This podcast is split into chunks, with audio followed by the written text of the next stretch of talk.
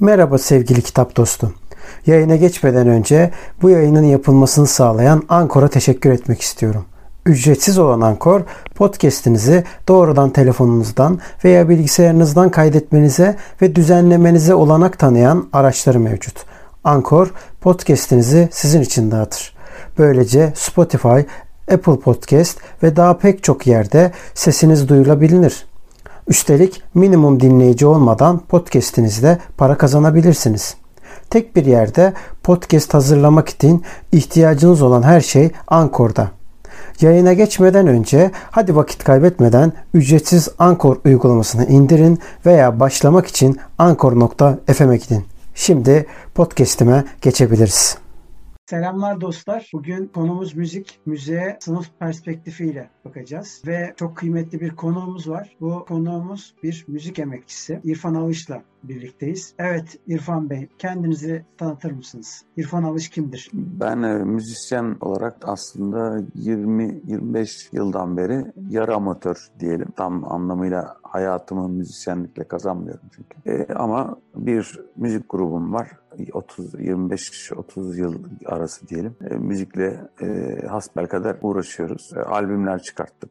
Dört albüm. Onun yanı sıra bir iki kısa film. Onun dışında video klipler falan yaptık hep birlikte. Konserler yapıyoruz işte. Şimdiye kadar herhalde bini aşkın konser yapmış mı da bilmiyorum. Yapmış olabiliriz ya da olmayabiliriz de. Ama bayağı bir konser yaptık. Bunun dışında da emekliyim. Esnaflıktan emekliyim. Uz, uzun yıllar esnaflık yaptım. Şimdi turizm kalmadığı için yani turizm dediğimiz gerçek anlamda turizm çünkü şu andaki her ülkeden kapıdan gelene turist diyemeyiz. Turizm öyle yapılmıyor yani. Gerçek anlamda turizmin yapıldığı yıllarda turizm işiyle uğraşıyorduk. Ama şu anda artık turizm yapmıyorum. Bıraktım yani şimdilik. Çünkü yok. Yani dünyada da bu pandemi ve diğer şeyler olması kaynaklanan sorunlar da var tabii ama asıl ondan birkaç sene evvel artık turizm olmuyordu. Avrupalı turist ülkemize maalesef organize seyahatler sıfıra yakındı. Bakın zaten İstanbul'da büyük şehirlerdeki popülasyona baktığınız zaman onların o turistlerin artık gelmediğini göreceksiniz. Yani turist dediğimizde aklımıza işte kafasında bandanayla saç ektirmeye çalışan işte Arap turistler var ya da Rusya'dan gelen turistler var ya da Ukrayna o tip gibi Çek, Orta Avrupa ülkeleri falan. Ama ne bileyim İngilizler, Fransızlar mesela Fransız tatil köyleri vardı. Biz de onların içinde butikçilik yapardık eskiden. Onlar kalmadı. Şu anda Türkiye'de bir Fransız tatil köyü işleyen devam mesela Onur Air gibi bir uçaklar dolu dolu gelirdi. Turistleri getirdi. Onlar da kalmadı. Onur Air de kalmadı. O da battı. Böyle bir durumdayız yani. Böyle fırtınalar esiyor. Gerçekten ülke içinde esiyor yani. Peki Pekin kuruluş hikayesini kuruluş amacıyla birlikte anlatmanızı rica etsem neler dersiniz? Yani bir amacı yok. Yani beş tane işte farklı insan müzik yapma amacıyla tabii ki. Yani bir araya gelmiş. Şarkılar yazılıyor bir yandan. Bu şarkıları genelde ben yazıyorum. Onun dışında da söz konusun işte o şeyleri ortak. Yani ben söz yazıyorum, şarkı yazıyorum.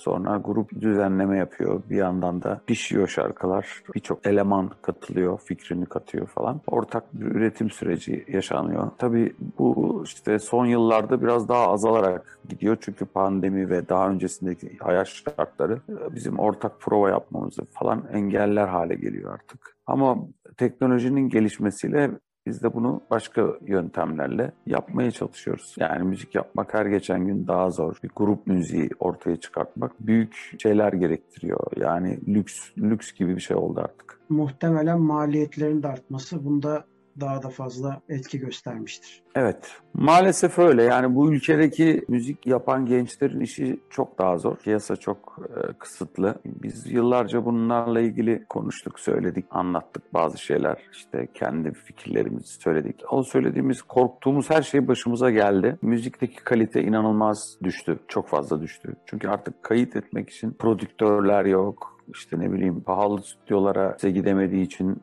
kayıt kalitesi düştü. Biz de dahil yani tabii ki önceden bir stüdyo kiralardık. Şimdi o kiralar günlük 2000 civarı bir piyanolu kocaman bir stüdyo iyi yani A kalite bir stüdyo 2000 lira gibi günlüğü olan bir stüdyo. Bir stüdyoda da en kötü en kötü 10 gün 20 gün gibi zamanlar gerekiyor. Yani iyi bir albümün iyi bir kayıtta iyi her şeyle dört dörtlük yapılması eski günlerdeki gibi 100 bin lira gibi bir şey. Ki bunun, bunda ben şeyi e, mix mastering falan filan e, onları da hesapladığımda böyle bir sonuç çıkarıyorum. 100 bin lira parayla yapacağınız albümün sound'u şusu busu iyi olacaktır ama bunun pazarda ne getireceği artık yani çünkü insanlar artık evinde yaptığı herhangi bir kaydı anında yükleyebiliyor dijital olarak. Bunun faydaları da var tabii. Yani bir plak şirketine bağlı olmadan şey yapabiliyorsunuz. Ama bu kalabalığın içinde de çoğu şarkı avuta gidiyor yani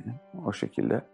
Çok ucuz, çok karşılığını kesinlikle ödenmeyen bir müzik sistemi var. Yani atıyorum dijital platformlar sizin mesela YouTube'muş bilmem neymiş bu tip şeylerde sizin paranızı ürettiğiniz içeriğe gülünç yani şeyler veriyor. Yani bir dilenciye atılmış bir para kadar komik meblalar ödüyorlar size. Üretenin hiçbir şeyi yok yani. Geçenlerde hesaplamıştık. Yani albüm yapıyorsunuz, kayıt yapıyorsunuz, şarkıyı yazıyorsunuz. Ondan sonra o atıyorum belli bir rakam kazanıyor. Kazandığı zaman Türkiye'de yayınlıyorsunuz diyelim bir firmadan. Oradaki üreticinin payının hani fazla fazla hesaplıyoruz biz. Yani abartarak hesaplıyoruz yüzde sekiz. Yani üreten adam yüzde sekizini alıyor. Bakın bu dünyadaki hiçbir üretilen mamulde yoktur böyle bir ağır. Yani patates ürettiniz düşünün.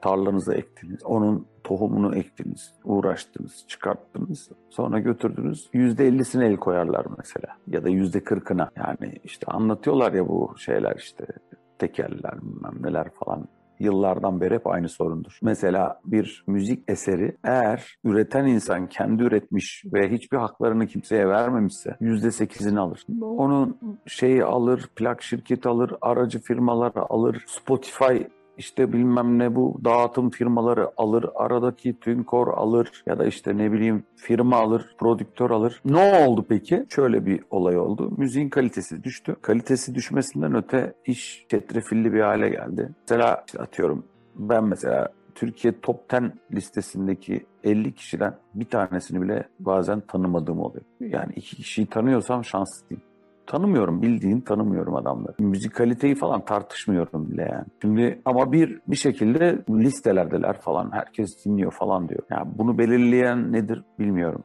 Yani müzikaliteye de bakıyorum. Şeye de bakıyorum. Belki de ben artık müzik şeyini takip etmekten koptum uzun zamandan beri. O da bende de hata olabilir. Ama şey yani ben bu konuda çok karamsarım. İyi şarkıların yani artık iyi şarkı yapmak gibi bir şeyin anlamı kalmadı. Diyelim ki bir fenomensiniz, takipçiniz var, müzikle de alakanız yok. Sesiniz kötü, şarkınız iğrenç fark etmez. Hiçbir şeyin önemi yok yani. Siz listedesiniz yani. Çünkü takipçiniz var. Bu kadar. Derseniz bir geri zekalı olun. Yani böyle bildiğin ya da böyle eskiden derseniz bir şaklavan olun. Takipçiniz çoksa fark etmiyor artık yani.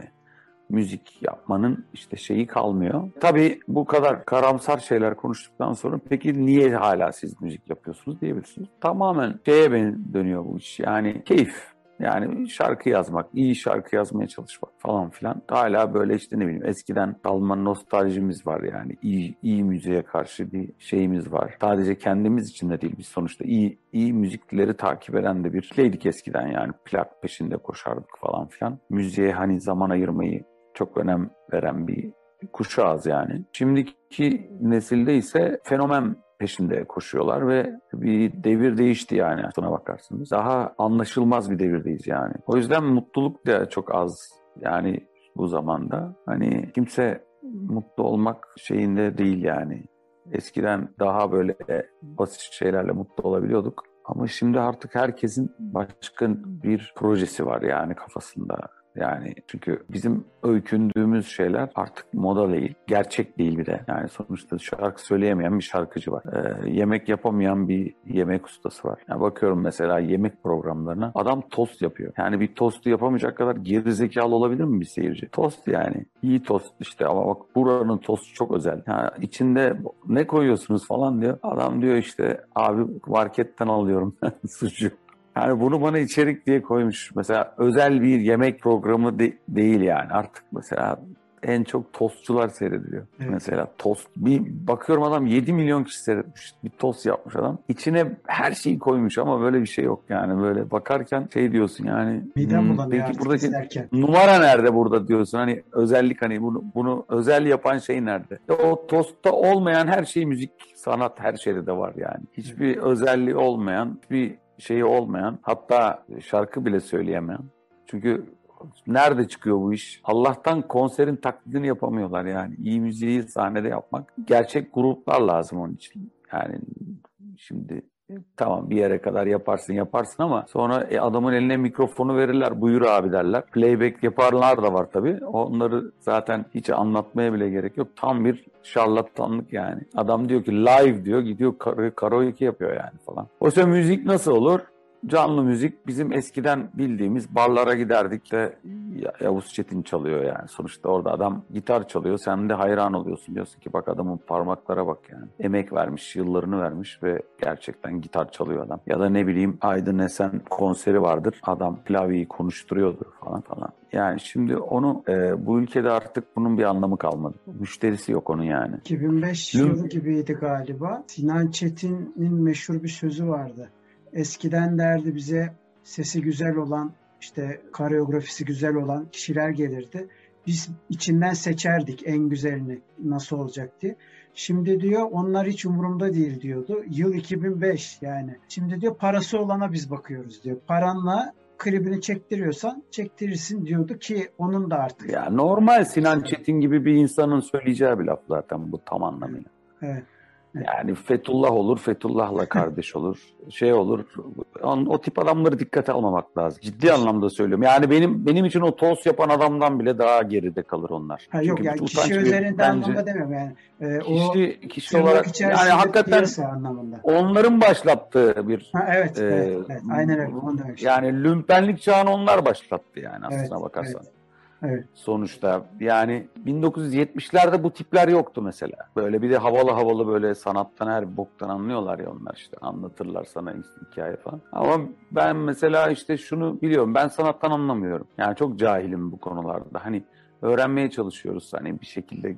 Ben müzikten anlamıyorum yani. Ama şarkılar yapmışızdır. Başarılı ba- kayıtlar yapmışızdır. Bazı insanlar bizi bu konuda çok emek verilmiş şarkıları fark etmiştir falandır. Ama yani çok emek verdiğin zaman da hala mükemmeli yakalamış olma- olmak diye bir şey olmuyor. Yani biz biz de uğraşıyorduk yani şarkı yapmaya eskiden daha çok uğraşıyorduk. Yani bir şarkıya birkaç yıl verdiğimiz zamanlar oluyordu. Şimdi böyle şeyler yok artık yani. Hala yapmak isteyenler, parası olan çok şans, çok az sayıda insan bunu belki bizim gibi o kafada şansı olup, süzüyosu olup, aylarını, günlerini buna harcayan çok az sayıda grup var. Onlar da tabii ki seviyeyi yükseltmeye yetmez. Yani çünkü önceden atıyorum 15 bin, 50 bin grup vardı. Bunların içinden iyileri çıkıyordu falan. Yani canlı müzik Türkiye'de çok fazla yapılan bir şeydi. Şimdi mesela alt şeylerdeki gruplar artık çalacak mekan bulamıyor. İzmir gibi yerde, İstanbul gibi yerde falan filan birkaç tane mekan var. Yani birkaç tane. 10-15 değil yani. 25 değil. 50 değil yani. Oysa 500 olmalıydı. Yani 500 tane mekan olmalıydı şimdi yani. Bir İstanbul 20 milyon. Yani 20 milyon yerde yeni yetişen grupların çalabileceği belki 8-10 mekan var. İnanabiliyor musun? Büyük sorun. Bizim de öyle. Bizim gibi grupların da çalabileceği işte gidiyoruz. İstanbul, İzmir bilmem ne. Beş tane şehre gidiyoruz. Altıncı yok yani. Yedinci yok. Var ama nasıl var işte gidiyorsun çalıyorsun işte kendine çalıyorsun gibi bir şey oluyor. Açık ve net yani. Çünkü insanların konsere gidecek ne isteği var. Parası olsa da zaten o tostçuya gidiyor yani. Evet. Bizim gibi yani Yavuz Çetin bu ülkede intihar etti yani. Şimdi onu anlatıyor falan insanlar. Yavuz Çetin işte intihar etti. Ben demiyorum maddi sorunlarından dolayı in- in- intihar etti ama hastalığını yaratan en büyük sorunlardan bir tanesi maddi sorunlardı. Bunu da kimse kimse şey yapamaz, göz ardı edemez. Ve sadece Yavuz Çetin değil, çok fazla müzisyen intihar etti bu ülkede. Çok fazla müzisyen vazgeçti hayatından ve bunun sebebi de bu ülkenin sanata karşı yaklaşımı hep kötü olmuştur yani. Sanatı hiçbir zaman gerçek anlamda sevmemiştir. Yani şimdi şimdi sokaklarda çalan çocuklar var. yırtmaya çalışıyorlar hayatlarından. Şeyler yapmaya çalışıyorlar. Mesela o çocuklara baktığımda Yavuz Çetin'i görüyoruz. Yani ya da daha önceki bu hayata katlanamayıp giden insanların. Yani ben mesela buradan bir şey çıkarabilirim size. Türkiye haritası yani. Yani Türkiye'nin politikası da bundan bağımsız değil. Bu Türkiye'nin işçi hareketleri de bundan bağımsız değil. Türkiye'nin sol hareketleri de bundan bağımsız değil. Yani siz bakın şimdi televizyona işte 3 tane 5 tane sol solda parti var. Hepsi birbiriyle polemik peşinde. Yani ben şimdi mesela sanatçı olarak bu partilere buradan sesleniyorum. Ya arkadaş bizim durumlar fena yani. Boş verin birbirinize kavga etmeyin yani yapacaksanız şu anda sorunu çıkaran adamla kavga etmeniz gerekiyor değil mi? Çok basit bir şey yani. yani ya da diğer partiler. Ben mesela CHP'yi bir sol parti olarak hiçbir zaman görmedim. Müteahhitlerin partisi o da ama yani sonuçta o da yapacaktır yani bir şeyler diye düşünüyorum yani. Yapmalı yani. Yapmıyorlar. Muhalefeti kim yapıyor? Bize kalıyor muhalefet işi. Düşünün ben emekliyim, basit bir müzisyenim. Muhalefeti biz yapmak zorunda kalıyoruz bu ülkede. Bize düşüyor yani. Oysa çatır çatır grev hakkı diye bağıran bir sol partiler silsilesi olmalıydı. CHP'nin ben grevle ilgili son konuştuğu zaman Ecevit gencecik bir delikanlıydı ya. Ne zaman olacak bu işler? Yani sorunların ben şeye bıktım artık bu şey geyiğinden. Yani gündem yaratılıyor falan filan. Ya niye bizim sendikamız yok ya? Neden benim maaşım asgari ücret açlık seviyesinin altında ya. Yani basit müziği falan boş verin yani. Bu ülkede müziği, sanatı bilmem neyi boş verin yani. Neden? Bu ülkede insanlar yani bir cins köpeğin aylık bakımından daha az asgari ücret alıyorlar. İnsan yaşayacak ya bundan. Bu kadar basit yani. 20 yıldan beri sanat olarak, bilmem ne olarak, vatandaş olarak, birey olarak işçi hakları olarak, kadın hakları olarak ya. Adamın biri gelmiş bir tane Diyarbakır'da daha yeni kızı kaçırmış mı ne olmuş mu kimse bilmiyor. Kaç tane kadın kayıp oluyor ya. Ya ne, ne sen neyi çalıyorsun abi? İnsan çalıyorsun ya. İnsanı sokaktan kaldırıyorsun yani. Ve sonra takım elbise giyecek adam iyi halden 25 yıl. 10 yıl sonra da aramızda. Bu işler böyle yani. Üçüncü sayfa haberlerine ben çok bakarım mesela. Bir ülkenin üçüncü sayfa haberleri çok önemlidir. Niye? O ülkenin ne durumda olduğunu asıl o söylüyor. Yani bizim üçüncü sayfa haberlerimizde hiç şaka yoktur mesela. Magazin haberleri vardır arka sayfalarda. Onlar mesela çok böyle lay lay lomdur. Ama üçüncü sayfa haberleri çok vahşidir. Hele ki yani şu son dönemde üçüncü sayfa haberleri insanın aklına sığmayacak hale geldi. Neden? Çünkü muhafazakar bir ülkede yaşıyoruz ama ahlak yok. Ahlak diye bir şey yok yani. Bunu biz yıllar önce birçok şarkının bir yerinde geçirdik yazarken yani. Ve o şarkılarda hep yanlış yani insanlar saldırırken bile mesela muhafazakarlar saldırmıştı. Şarkıyı bir sanatçı arkadaşım, kardeşim Ceylan Ertem paylaşmıştı. Şarkının içinde işte Allah'a küfür ediyorlar falan demişti adam. O kadar öküz ki adam. Okuduğunu bile anlayamıyor ki. Benim orada anlattığım şeyi anlayamıyor. Anlayamadığı zaman işte şu şeye getiriyor tamam mı? Vatan, millet, bölücüler, şerefsizler falan gibi şeylere geliyor. Ama biz de biliyoruz ki yani aslında vatan kelimesini devamlı ağzında çok geveleyen insanların arka tarafta var ya aynı bu adam gibi hikayeleri vardır. Üçüncü sayfalık yani. Biz de burada evde oturmuş bunları seyrediyoruz. Diyorsun ki ya ben şarkı yazacağım ama ne yazayım abi? Ya benim yaşım gelmiş 50'ye yani 50 yaşına geldim. Şöyle güzel şarkılar yazamayacak mıyım ya? Ne bileyim varoluşçuluğu anlatan ya da işte ne bileyim başka şeylerden bahseden. Yok mu öyle bir şarkı yazma şansımız? Yok.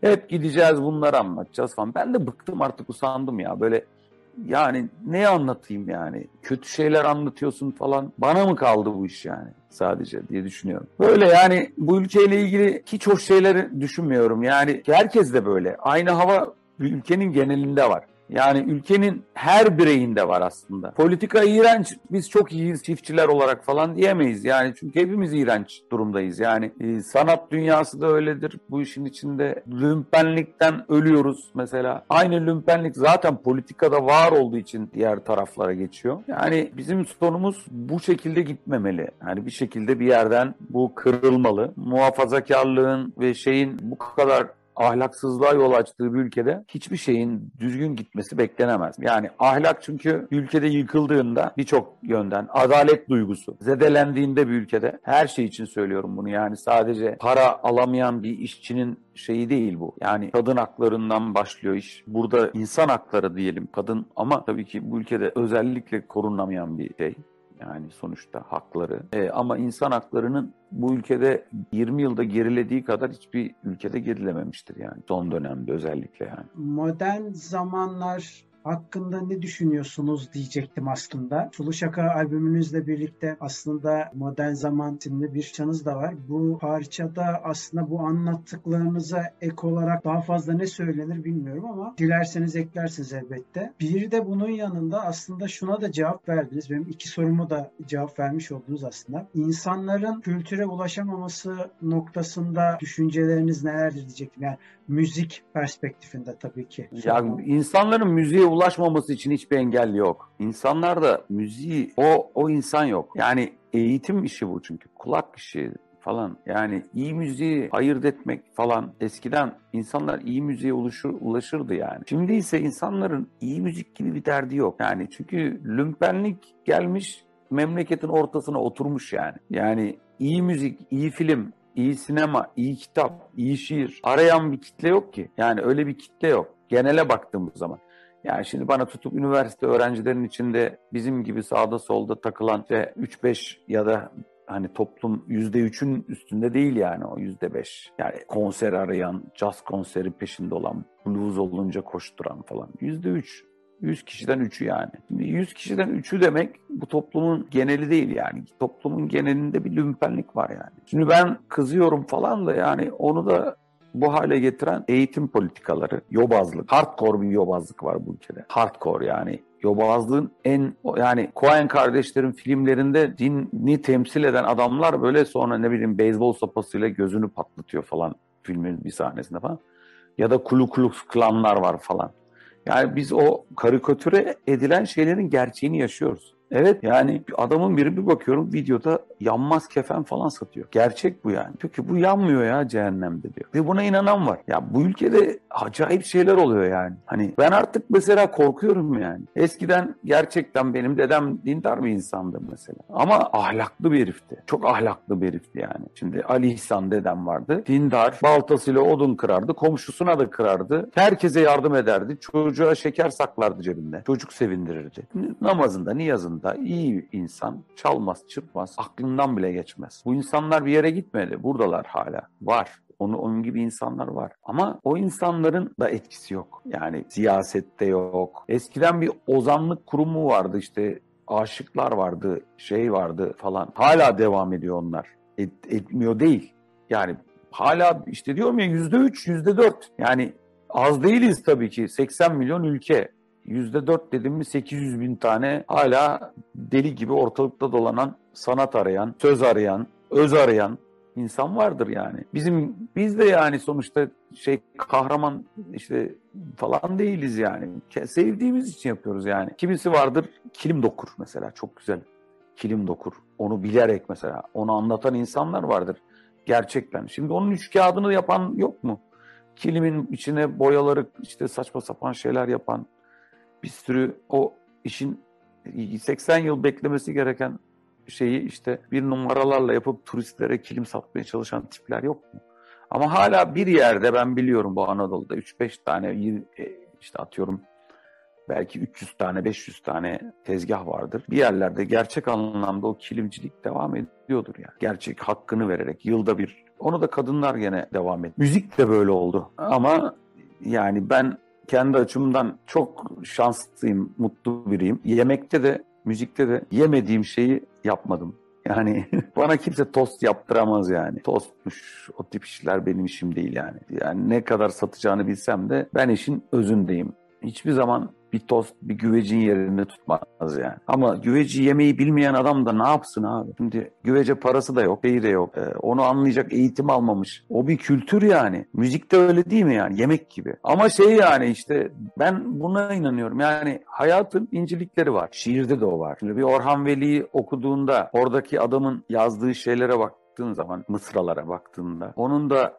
hayatının içinde mücadelesinin devam ettiği ve yorgun düştüğünü görüyorsun. Eskiden de yani sanki güllük gülistanlık mıydı? Değildi. Hiç değildi yani. 36 yaşında Orhan Veli ceketi yoktu üstünde öldüğünde bu ülkede. Sanat hiçbir zaman değerli bulunmadı. Biz bunun farkındayız. Yani bu bunu zaten gerçek anlamda kilim dokuyacak adam ondan bilir bu işten para kazanılmayacağını. Ama hikaye o değil. Yani sonuçta bizim olayımız anlatıyoruz hikayemizi şarkılarda. Bu konuları bir şekilde edebiyatla yoğurup ortaya bir şeyler bırakıyoruz. Birçok şarkı modern zamanda mesela ne demiştik? Akıllandı cam binalar. Cam binalar akıllanırken toplum akılsızlaştı ama. Yani binalar akıllı ama içindekiler değil. Aklı olanın zaten öyle bir akıllı binada işi olmaz çünkü. Çünkü toplum insanın varoluşuna aykırı bir bina o. Düşünsene bir tane asansöre biniyorsun 80 kişiyle beraber. Sonra tık diye birden seni gereksiz hızlı bir şekilde 39. kata çıkarıyor. 39. kattaki camı silemiyorsun. Camı açamıyorsun. Açtığın zaman uçarsın yani. Yani şu andaki fırtına gibi. Orada fırtına hiç bitmiyor bile. Ya böyle bir binaya seni niye kapatıyor insanlar ya? Neden yani? Sonra pandemi çıktı hadi evinize gidin dediler. Evden çalışabilirsiniz. Ulen biz evden çalışabiliyorduk. Bizi niye götürdün şey soktun? Demek ki bizim aslında 10 saat çalışmamıza da gerek yok. Yani günde 3 saat de yetecek aslında belki de. Birileri insanlarla dalga mı geçiyor yani? Onu düşündüm mesela bu pandemide. Ya bu kadar insanların çalışmasına gerek yok aç kalmamak için.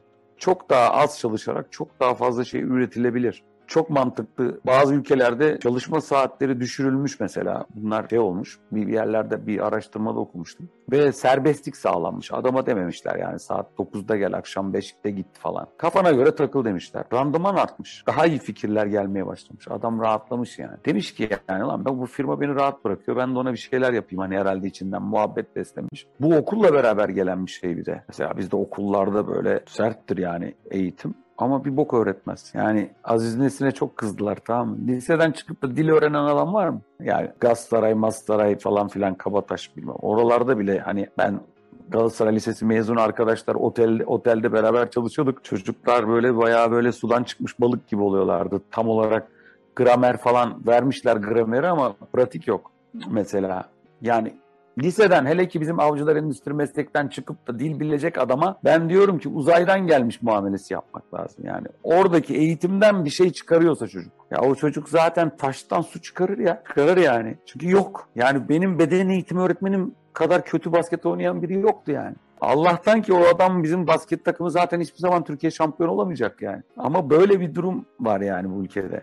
Ya öğretmen dediğin adamlara bakıyorsun. Adam yok yani aslında. Yani adamın öğretmemek gibi bir şeyi var, kabiliyeti var aslında. Eğitim de bu. Yani eğitim nedir abi işte? Hadi eğitelim çocukları şey yapalım biz falan. Ya biz her şeyimiz çakma yani. Eğitim sistemimiz çakma. Hiçbir şey öğretmemek üstüne dayalı. Ya Bence şu olmalı yani. Bir kere 10 yaşına kadar çocuğa bırak matematiği falan ya. Çevreyi öğret mesela. Çevre bilinci. Domates eksin çocuk yani. Toprağı öğret. Çocuğa saygıyı öğret.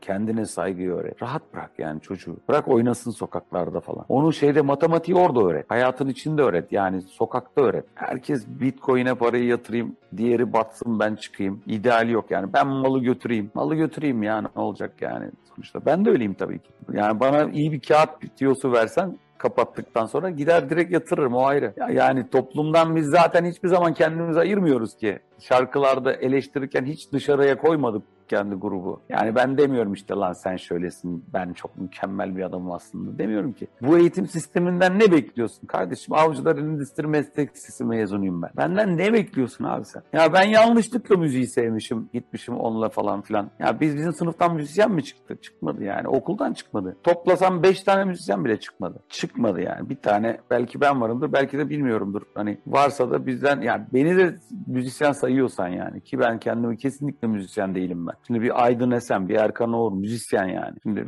dur bakalım kim kime müzisyen der yani. Ben demiyorum açıkçası.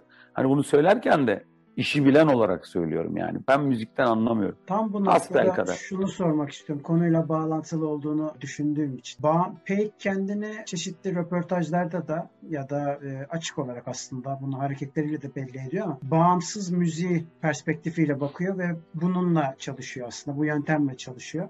Ama mesela hiç bilmeyenler için bağımsız müzik nedir desem ne dersiniz? Bağımsız müzik ütopik bir kavramdır derim. Çünkü ben ne yapabilirim abi? Dijital alem benim elimde değil. Şarkımı oraya yüklüyorum. Tamam istediğim zaman çekebiliyorum da oradan. Hatta yüklemeyebilirim. O dijital platforma derim ki kapat kardeşim şarkılarımı derim. Bu, bu karar hakkı bende. Şarkılarım benim malım. Kimse alıp onu reklamda kullanamaz, yapamaz. Yani şey diyelim, yarı bağımsız diyelim. Çünkü bağımsızlık mümkünatı yok. Ama bağımsız müzik nedir? Hani genel hatlarıyla ne yazacağına kendi karar verebilen ya da bağımsız sanat nedir diyelim. Ne üreteceğine kendi karar vere, verebilme gücüdür, yetisidir yani. Bu konuda da biz yazarız yani. Ben bakın sanatla ilgili hiçbir şey konuşmuyorum. Niye? Çünkü konuşmanın bir alemi yok ki bu ülkede. Oraya gelemedik biz yani. Gelmek gerekmiyor. Yani ben size anlatayım işte. Bizim projelerimiz var, işte kayıtlarımız var. Şöyle böyle yapmak istiyoruz, şunu yapmak istiyoruz falan. Ben bunu yapamıyorum, yapamam yani. Yapamıyorum şu anda. Çünkü insan konsantre olamıyor ki. Sanat rahatlıktır bir yerde. Ya da başka bir şeydir yani o. Ama ben mesela yaşadığım ülkede bu kadar ağır şartların olduğunu gördüğümde hep yazdığımız, yaza geldiğimiz şekilde bunları anlatmaya çalışıyorsun. Bir yerden sonra o da artık değerini yitiriyor. Yani aynı şarkıyı bir daha yapmanın ne anlamı var? Onu yazmak istemiyorum yani. Yani modern zamanda yazmışız işte. Ondan sonra gelmiş kara kafada yazmış. Gece kondu oy ver, oligarşi boy ver demişiz yani. E ne yapayım şimdi lay lay lomda birileri satar yanmaz kefen hepsi esnaftır satsın yesin demişiz falan. Sonra hatta sonra da hadi boş ver lay lay lom demişiz falan. Tamam lay lay lom yapamıyoruz gördüğün gibi ama yani bir şekilde hayat değişmeli. Bu ülke değişmeli. Gençlerden umudumuz her zaman var. Ama lümpenlik geldi memleketin ortasına oturdu. O da var. Eğitim yok. Yani sorun o. Gençlere kim eğitecek şimdi? Eğitecek olanların çoğu yurt dışına kaçtı. İyi öğretmen yok çok. Nasıl, ne tip öğretmen seçimi yaptıklarını biliyorsun. Yani 20 yıl, 10-15 sene sorular çalındı diyor. Sanki şimdi çalınmıyor mudur sence? Nasıl güveneyim ben bu devlete? Ya bu adam sanki o zaman şey miydi? Yani başımızdaki Cumhurbaşkanı o zaman başbakandı. Sorular çalınmıştı. Şimdi Cumhurbaşkanı diye artık çalınmıyor mu yani sorular? Yani ben nasıl güveneyim bu iktidara yani? Güvenemiyorum. Bence üç kağıt hala devam ediyordur. Sorular çalınıyordur. Dolayısıyla da iş neye kalıyor? Yine başa kalıyor. Yani gördüğün gibi ülke geldi bu duruma. Sanat dünyası, işte sömürü her yerde var. Sanat dünyasında zaten kralı var. Biz söyleyeceğimiz hep zaman her zaman söyledik. Bağımsız müzik diye bir şey ütopyadır ama ya bunu istemek de başka bir şeydir. Biz de kendi müziğimizi kendimiz yapıyoruz, kendimiz yayınlıyoruz. Şimdi mesela plak basacağız. Plak basıyoruz, kendimiz basıyoruz. Ama ne yapıyoruz? İşte veriyoruz şeyini falan filan. Basıyoruz. Yani hasbel kadar ayakta kalmaya çalışıyoruz. Konserimizi kendimiz yapıyoruz. Bir şeyler yap yok işte gidip de işte bilmem saçma sapan şeylere girmiyoruz orada da. Ne bileyim reklam işlerine girmiyoruz falan. O tip işler yapmıyoruz. Kendi halimizde kavruluyoruz. Kendi şarkılarımızı yazıyoruz. Piyasadan hem kopuz hem değiliz. Garip bir şekilde anlamıyorum yani. Aslında çok kopuz ama bazen bir yerlere gittiğimizde öyle olmadığımızı da görüyoruz yani. Ama açıkçası ben bu ülkeden çok umutlu değilim tabii ki. Ama bu ülkenin umutlu olmaması demek her zaman bir şeyler yine de yapmak isteyecek insanlara yer get açılabileceği şeyi de getiriyor bir yandan. Çünkü en umutsuz zamanlarda bu ülke çok değerli şeyler yetiştirmiş yani insanlar. En umutsuz zamanlarda hem de yapmış bunu. Ben o kadar yani açıkçası durum durumumuz bayağı dram. Yani hem biraz da komikliği de var ama çok komik de değil artık yani. Ülke olarak her açıdan sanat, eğitim, müzik de tabii bunların içinde ayrı kalamaz. Bir dramın içinde yaşıyor ülke. Ama bu dramı küçük bir şey, kıvılcım, mutlu sona ulaştırabilir. Yani o da açık konuşmakla. Yani ben söylüyorum mesela. Yani abi 18 yıldan beri aynı partinin başında bir muhalefet lideri ben istemiyorum yani. Ya çok iyi insan olabilir. İyi insan ben de iyi insanım ama ben gidip de böyle bir parti başkanı olmak istemem. Çünkü yapamam ben o işi. O iş başka bir iş. Ama artık abi bir sendikadan bahsedin ya. İşçiden bilmem neden bahsedin ya. Adam diyor ki gelince ben gençlere araba almaları için vergi ilk arabadan vergi almayacağım. Tüketin yani. Ya sen bunu söylememelisin yani. Şimdi bak sen bana elime verdin sopayı ben seni nasıl şimdi gömerim yani. Ya sen nasıl bir sol düşüncesin kardeşim ya? Nasıl olabilirsin sen ya? İşte gençler gelince ÖTV almayacağız onlardan. Ya almadın adam gitti arabayı aldı. Benzinin ne yapacak? Benzin olmuş 10 lira.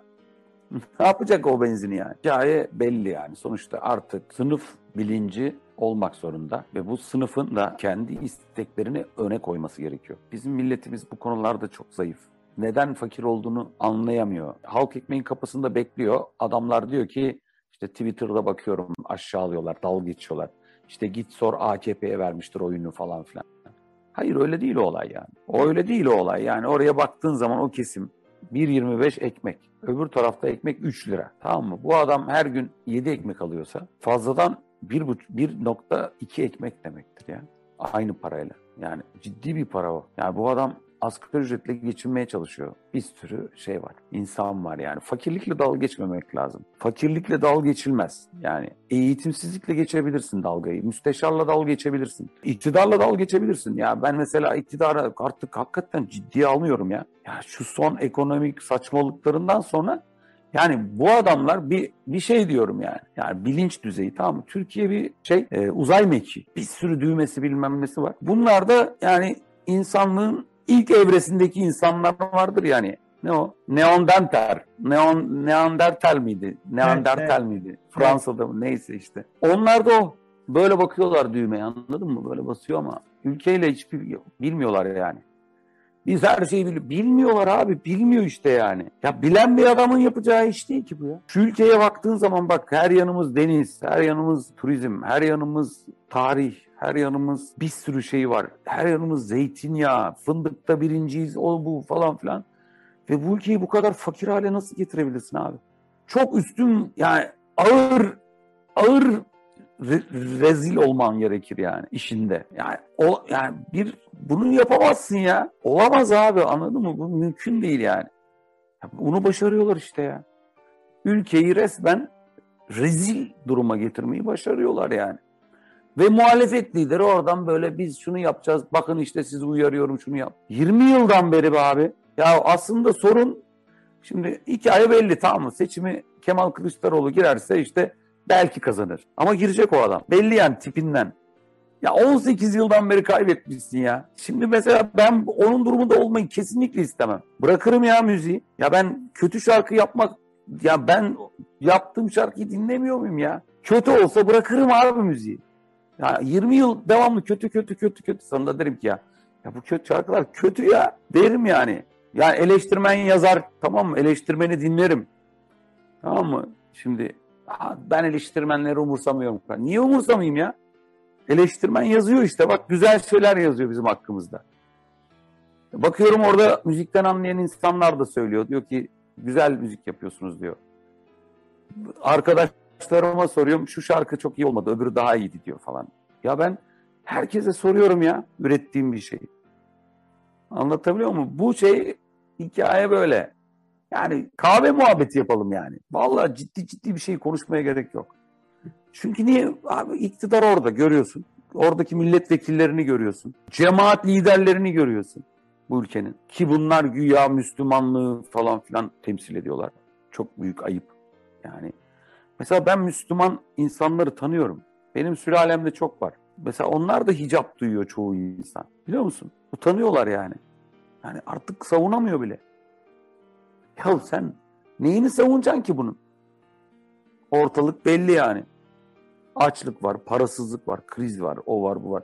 Adam diyecek diyemiyor artık. O bile belli bir yerden sonra.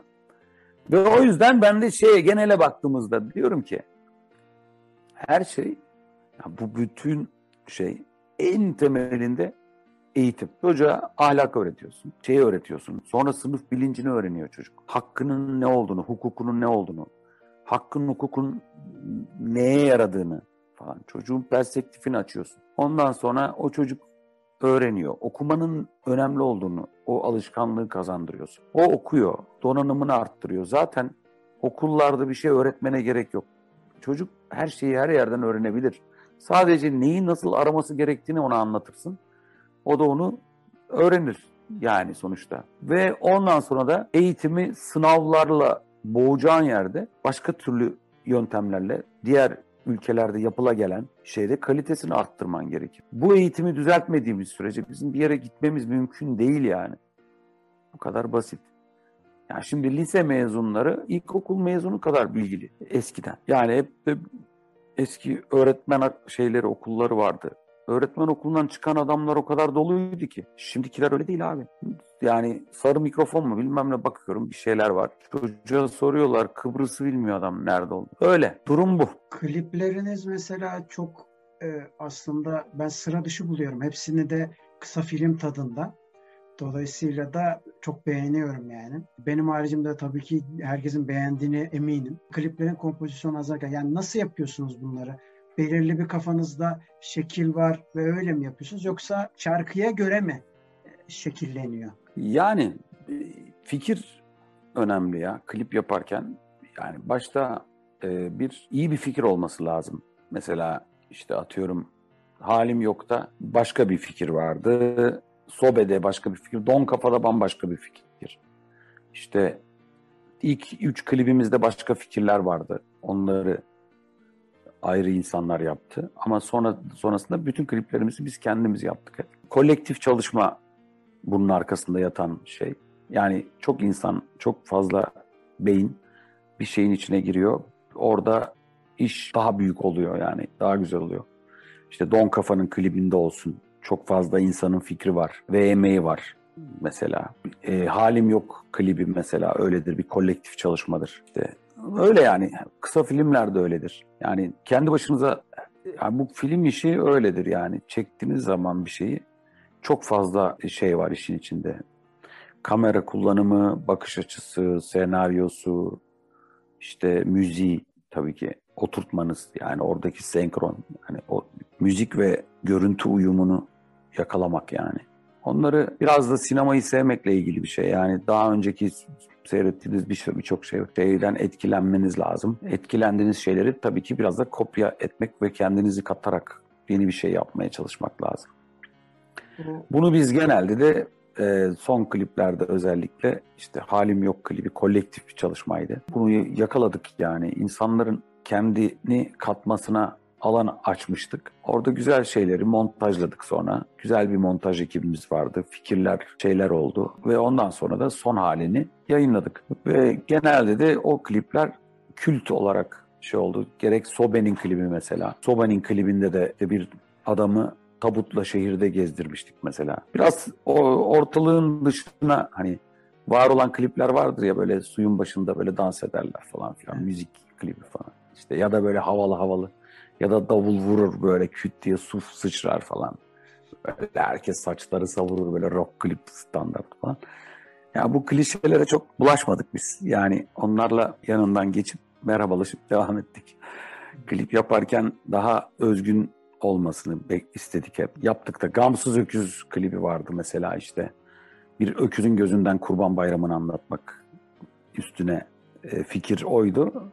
Hani muhteşem olmadı çünkü elimizdeki bütçemiz çok yüksek değil. Yani sonuçta film işi biraz para işi. Yani bir yerden sonra ne bileyim yapmak istediğin şeyleri büyütmen gerekiyor. O büyüttüğün anda da her şey büyüyor o anda. Bizim de öyle bütçelerimiz olmadığı için elimizdeki bütçelerle yapabildiğimiz her şeyi yapmaya çalıştık yani. Peki satılık araba sizin senaryosunu yazdığınız bu anlattıklarınızda nereye oturuyor? Ben çok bu arada bayıldım yani onu da belirteyim. Satılık araba aslında şey o halim yoku çektiğimiz ekiple benim hikayeyi filmleştirdik. Dedik ya biz klip çekiyoruz neden kısa film çekmeyelim? Hadi gelip kısa film çekelim diye. Orhun Bora vardı işte. Ee, ben vardım. Gürkan Usanmaz işte çok insan vardı satılık arabada. Şey ekip orada yazıyor zaten şeyde. Çok fazla insan. Yine isim saymayalım çok. Oyuncular zaten biziz yani çoğu arkadaş, eş, dost, komşu falan. Sinema yapmak maksat. Hikayemiz belli. Oradaki hikayeler gerçek bir de. Yani adamlara soruyorum, adam anlatıyor. Güzel olanları montajlıyorsun şeklinde. Benim yaptıklarım biraz hani yazılan şeyler var. İşte domates hikayesi falan. Hı. Hep aynı yerden başlıyor adam. Domates ektim mi hiç falan bu sene falan. Oradan sonra hep o domates üstüne dönüyor falan. Sonra işte o gelen insanlar tecrübeli insanlar yoldan binmiş gibi Onlar hep komşular falan. Herkes hikayesini anlatıyor falan. Oradan biz montajladık. Tatlı bir şey oldu. Dedik bunu ne yapalım? Yayınlayalım dedik. Yayınladık. İşte YouTube'dan yayınladık. Gitti bu bir festivale katıldı İngiltere'de. Festivalde ilk iki filme seçildi en son kalan. İşte şöyleydi yani. Bizim filmin bütçesi atıyorum bin dolar diye yazmıştık. Ki bin dolar de gibi bir şeydi. Bizim bütçemiz buydu. Kazanan filmin bütçesi de 36 bin euroydu. Şeydi yani. Görüntüler bizim biraz hani işte kamera zoom'la çekiyoruz işte arabanın içine zoom koyduk falan. Var olan aletlerle çekiyoruz. Ya ben zaten o şeye inanmıyorum çok. Yani önemli olan göz yani ve o hikaye. Bir de nasıl anlatayım yani şimdi Fellini'nin çektiği kameralar şu anda senin cep telefonundan daha kötü. Ama sinema yok mu yani? Sadece makine mi sinema yapar? Hayır. Filmi göz çeker yani. O göz önemlidir yani. Anlatım da önemlidir. Denedik biz. Orada bir sinema yapma denemesiydi aslında tam anlamıyla. Islık diye bir kısa film yaptık sonra. İşte bir satılık araba yaptık. Satılık arabayı ben e, personel olarak daha çok seviyorum. Yani daha kiç, daha kült. Ya böyle kült işlerin olması hoşuma gidiyor. Yani oradaki hikayeler çok denk geldi bir de. Yani olacak iş değildi yani. Mesela yaşlı bir amca var. Onunla böyle o anlat Mustafa abi diyorum işte. Mustafa abi anlatmaya başlıyor. Biz çekiyoruz. Kamera işliyor.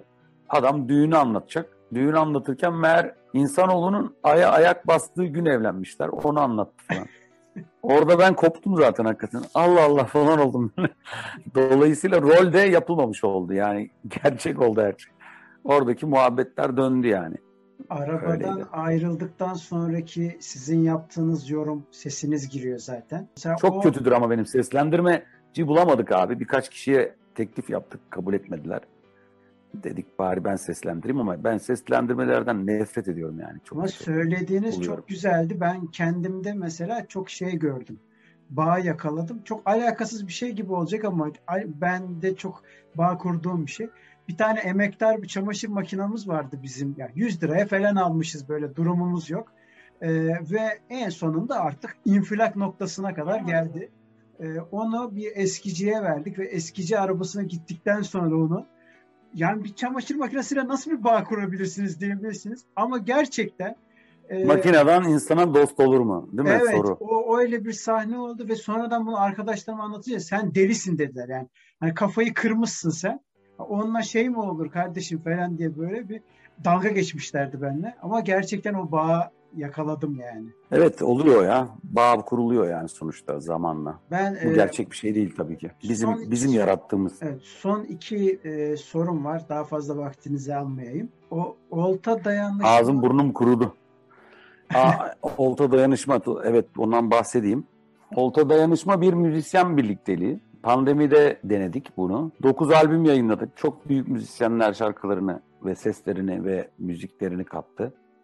Ve gelirleri de şu ana kadar 30-35 tane müzisyene dağıtıldı. Geldikçe dağıtılıyor. Zaten çok bir geliri de gelmiyor. Çünkü insanlar dinlemiyor açıkçası. Neden dinlemiyorlar anlamıyorum. Dediğim gibi yani kaliteli müziğin artık çok fazla yani bir Türkiye albümleri yayınlandı. Çok iyiydi yani. Çok çok iyiydi. Ama reklam ya bir de bu, bu dijital şeyleri biliyorsunuz yani bir sürü engeller oluyor. Ama olta dayanışma fikir olarak bence çok büyük bir başarıdır. Gençlerin, müzisyenlerin dayanışarak yaptığı uzun zamandan beri yapılmış en önemli albüm serisidir. 9 tane albüm yayınladık. Bu 9 albümün içinde aşağı yukarı 120 şarkı var. 120 tane şarkı yazarı ve 120 grup işte bunları yayınladı. Ve sonuçta 10.suna doğru gidiyoruz. 10.yu yayınlamak için hazırlıklarımız devam ediyor. Olta'nın özelliği tamamen bağımsız olarak albümlerini yayınlaması. Yine aynı şekilde. Hiçbir kurumdan ya da bir yerden destek maddi, manevi, manevi diyelim kurum derken insanlardan alıyor sadece müzisyenlerden. Ama bir ne bileyim bir dernek, bir kurum desteği olmaksızın kendi başına bunu yapması müzisyenlerin aşağı yukarı şu ana kadar her şarkı için 6-7 müzisyen olduğunu düşünsek bin, bin, bin civarındaki müzisyenin ortak çalışması oluyor. Ve 10. albüme doğru ilerliyor. Şu anda 10. albüm. 9. 9. albümü yayınlayalı birkaç hafta oldu. Önümüzdeki aylarda 10. albüme hazırlanıyoruz. Melodi yazarken mesela az önce Satılık Araba'daki bir söz geçiyordu orada. E, sileceklerin tiktakından melodileri yakaladım demiştiniz orada. Ritim. E, ritim. O evet. metronom. Metronomu o şarkı şey belirledi. Gerçek hikaye o zaten. Yani benim arabanın e, emniyet kemer şeyi vardı. Onu hep kemer takmadığım belli oldu ama yapacak bir şey. kemer takmadığım için devamlı tın tın tın sonra bir o metronom kafama öyle bir sinmiş ki içimdeki zalbimi sırf o metronomla yapılmış. Evet. Bütün şarkılar aynı metronom. Oh. Yani evet. araba belirledi bizim metronomu. Anladım.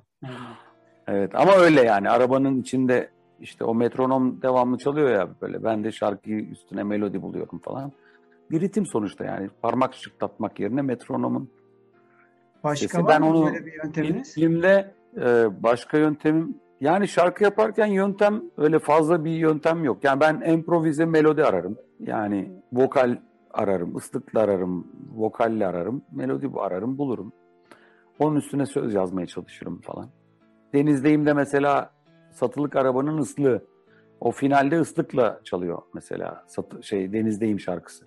Aslında ilk hali o. Yani sonra söz yazdık şarkıya. Yani satılık arabanın müziğiydi Deniz'deyim. Yani ondan sonra melodi, aa çok güzel oldu bu melodi. Ben bunu niye şarkı sözü yazmıyorum deyip şarkılaştı falan. Her şekilde yazabilirsiniz. Tavsiye ederim. Peki çok teşekkür ediyorum. Kabul İyi günler, kolay gelsin.